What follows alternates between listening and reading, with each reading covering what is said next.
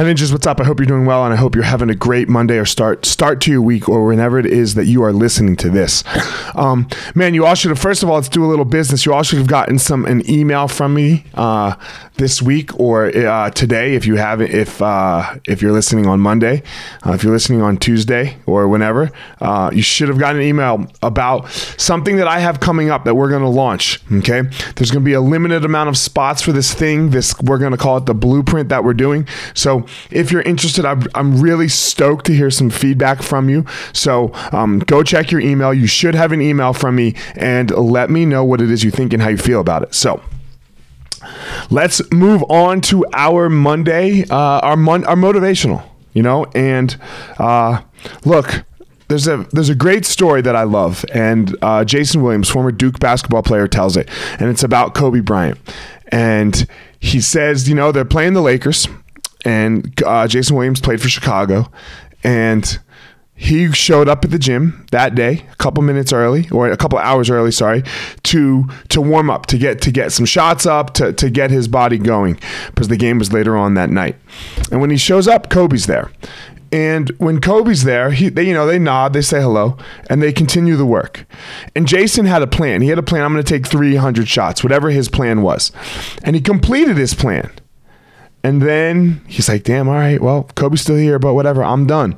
You know, my work's done. So he leaves and he goes, does the rest of his day, and then goes into uh, getting ready for the game. The game comes, they play. Kobe drops 45, the Lakers win.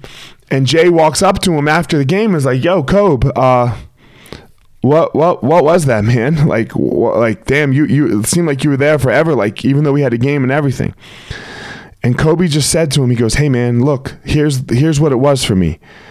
I couldn't let you think you were going to outwork me. You weren't going to put in more work than I was willing to put in." And that gave Kobe a mental edge for himself. And that's what I want to discuss with us all today.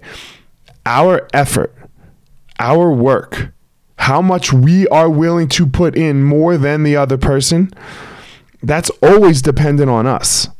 The only excuse you can make when it comes to your effort is you. You didn't try hard enough.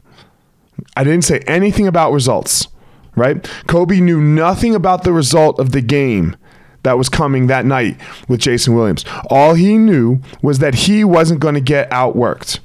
There's no way.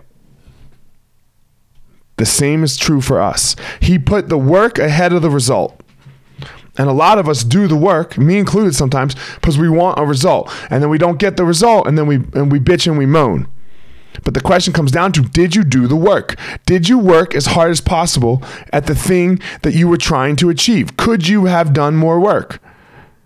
And that's that's how you know that it's been a successful day. I did the fucking work. All of it. All of it that I could. I worked as hard as I possibly could today. I did the maximum amount of what I could do. Do the work. Do the work. You're all we're all not going to be Kobe Bryant, and that's okay. You know that that's fine, but we can all do the work because Kobe Kobe's work also came with a massive amount of talent for him. So we all might not be as talented as Kobe Bryant, but the work ethic, the desire to work, and the willingness to work more than somebody else, that you can all have. That has nothing to do with talent. That only has to do with your mindset. He called it the Mamba mentality. So, can you go into this week with a Mamba mentality? Discover your passion, find your power, go give your purpose to the world.